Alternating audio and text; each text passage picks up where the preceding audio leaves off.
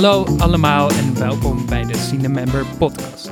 Ik ben Hugo Emmerzaal, filmjournalist en vandaag jouw gids door de veelzijdige catalogus van Cinemember.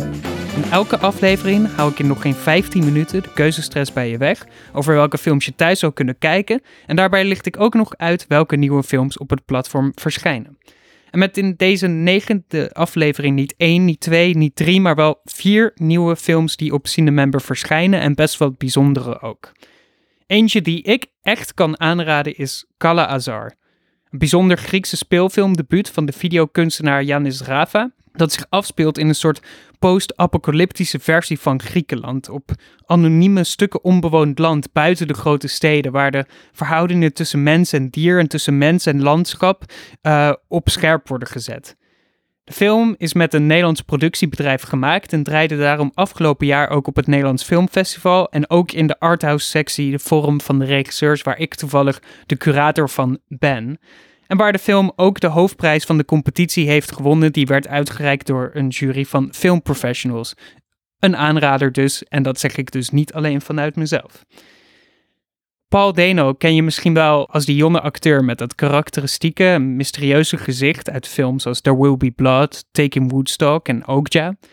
Maar voor het historische drama Wildlife kroop hij zelf achter de camera als debuterende speelfilmregisseur. Jake Gyllenhaal en Carey Mulligan spelen hier de hoofdrol in het melancholische relationele drama over een Amerikaanse familie die uit elkaar drijft.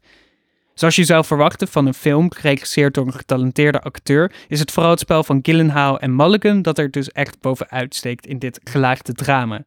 En dan zijn er ook nog twee misdaadfilms die ook de basis vormen voor het thema van vandaag, namelijk de misdaadthriller. Wie geen genoeg kan krijgen van films en series als Gomorra en andere titels over de onderbuik van hedendaags Italië, is er Claudio Giovanessi's Piranha's, over jonge criminelen uit Napels die de snelle weg zoeken naar de top. Giovanetti bewerkte voor deze Italiaanse misdaadfilm ook een boek van Roberto Saviano, die dus met Comorra, The Godfather, voor een nieuwe generatie criminelen uit Italië schreef. En ook hier draait het dus om dat spanningsveld waar deze vormen van misdaad en geweld vaak op zitten. Aan de ene kant heb je de aanlokkelijkheid en verleiding van wapens, snel geld, mooie spullen. En aan de andere kant dat constante dreigende gevoel dat al je contacten, vrienden, familie, geliefden en alles wat je in je leven opbouwt precair zijn en zomaar van je ontnomen kunnen worden. Het Franse Seul le Bête, Alleen de dieren van Dominique Moll, gooit dit meer over de broeierige thriller mystery boeg.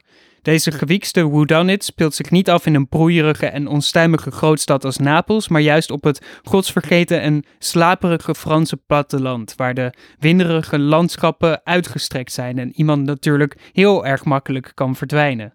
Uh, Dominique Mol is niet echt een grote naam in Nederland, maar maakt in Frankrijk al veel lander zeer verdienstelijke genrefilms. Waaronder dus zijn debuutfilm Harry, He's Here to Help en de erotische thriller The Monk, Le Moine. Met Vincent Cassel, die toevallig ook op Cinemember staat. Een aanrader dus, voor wie van mystery, misdaad, detectives houdt. En uh, The Monk is gelijk een extra aanrader erbij, want ik vond dat altijd een hele bijzondere film.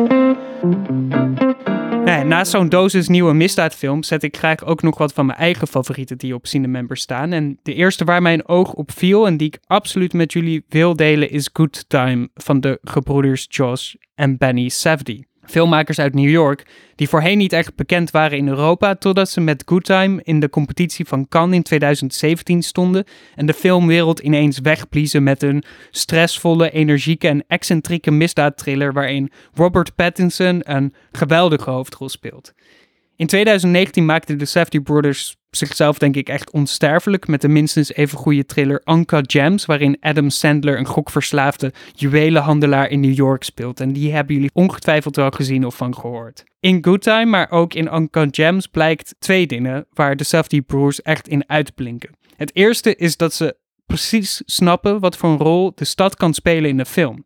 Ze hebben een bijzonder gevoel voor locaties en buurten en voor de sfeer die ze uitstralen. En ze snappen dan ook precies hoe hun personages zich tot hun omgeving verhouden. Kijk maar naar Good Time en let op hoe authentiek en doorleefd de locaties aanvoelen waar Robert Pattinson zich als Connie doorheen beweegt, nu hij op de vlucht is na een mislukte overval. Zijn broertje is al gesnapt na deze overvalpoging en Connie moet nu ook nog eens allemaal geld bij elkaar zien te sprokkelen om de borgsom voor hem af te rekenen.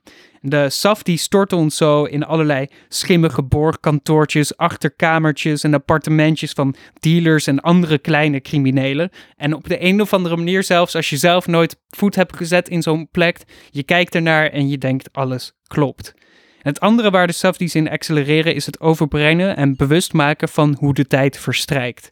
Stress is een gevoel dat heel veel mensen associëren met hun films, omdat ze altijd heel bewust zich in het hier en nu afspelen en alles wat er op dat moment en op die plaats gebeurt is absoluut urgent en van levensbelang. Het moment dat de overval aan het begin van de film mislukt, is dan ook gelijk het moment dat deze film in een soort sneltreinvaartje van hot naar her laat schieten en je niet meer loslaat tot het zenuwslopende einde. Uh, ik heb aan niets een grotere hekel dan aan tijd, legde Josh Safdie me grappig genoeg ook uit in een interview in Cannes toen ik hem en Benny na de première van Good Time interviewde. Hij zei: Nu is het enige moment waarop tijd niet bestaat. Het is voor mij een ontzettend diep en reflexief moment. En dat voel je dus in deze films die mede door deze kwaliteit van dat ze altijd in het hier en nu zijn, het me meest doen denken aan de betere films van een regisseur als John Cassavetes of Elaine May. Al is dit dan wel weer een soort sprankelende HD widescreen versie daarvan, met sowieso geniaal camerawerk van een van mijn favoriete cameramensen uit Amerika, Sean Price Williams, die de analoge filmkoning van de Amerikaanse indiefilm is, en een nagelbijtende soundtrack van One O Tricks Point Never, die de underground en mainstream altijd in zijn hypnotiserende synthesizer loopjes met elkaar weet te verbinden en je zo nog dieper in de film zuigt. Good Time dus, een absolute aanrader als je houdt van nou, not quite a good time, but a very entertaining bad time. Toevallig staat een van mijn absoluut favoriete films, een film waardoor ik zelf ook vroeger verliefd werd op film, ook op Cinemember. Een film die het misdaadgenre niet per se naar een hoger niveau tilt, maar gewoon een totaal nieuwe dimensie in projecteert. Ik heb het over Lost Highway uit 1997. Een soort metafysische take op de film noir misdaadfilm van de grote filmsurrealist David Lynch, die je ongetwijfeld kent als de visionair achter cult hitserie Twin Peaks. Wie Lynch kent, weet dat hij het niet te nauw neemt met logica en oorzaak-gevolg. Toch vaak bouwstenen voor een detectiveverhaal. Lost Highway is daarom geen traditionele misdaadfilm waar iemand een moord of iets dergelijks oplost, al is er overigens wel gewoon een moord. Dick Laurent is dead, hoort de saxofonist Fred Madison via de intercom van zijn appartement aan het begin van de film. We hebben dus een moord, we hebben een lijk, een naam en een persoon die er iets mee moet doen. Maar hoe die dingen zich tot elkaar verhouden, ik zou een poging kunnen wagen om het uit te leggen, maar ik heb het liever over wat de film je tijdens het kijken laat voelen en niet over de informatie die die overbrengt. Lost Highway is voor mij een film over onzekerheid en ongenoegen, over verdrukte verlanders die wraak nemen, over het onderbewuste dat de ratio en de realiteit overmeestert.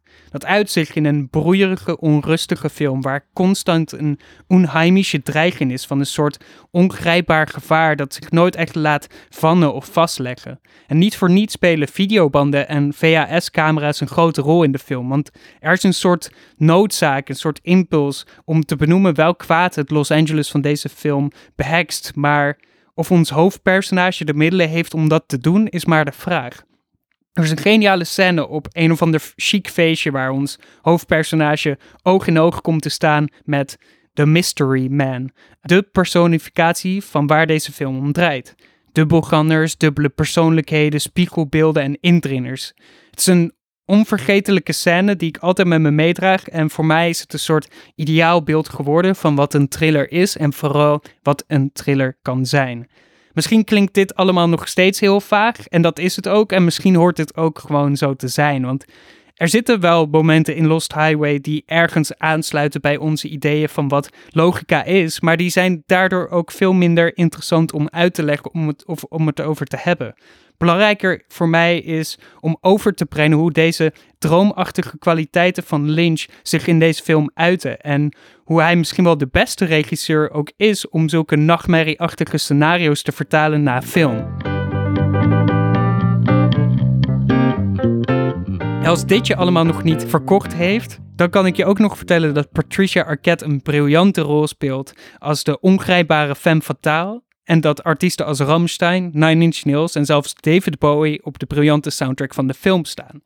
Lost Highway dus. Misschien wel de meest ideale film om op te zetten na een thriller marathon om weer helemaal met hernieuwde energie en een nieuwe blik naar het genre te kijken. Dat was hem dus ook wel weer voor deze week. Lost Highway en Good Time vind je op de homepagina van cinemember.nl of cinemember.be in de categorie films die ik in deze podcast bespreek. En Seul le Bête, Piranhas, Wildlife en Kala Azar staan onder de recent toegevoegde films. Op de homepage staan ook andere actuele tips en op de ontdekken pagina kun je eenvoudig je eigen filmselecties maken. Voor nu alvast bedankt voor het luisteren, voor straks ontzettend veel kijkplezier en tot volgende week.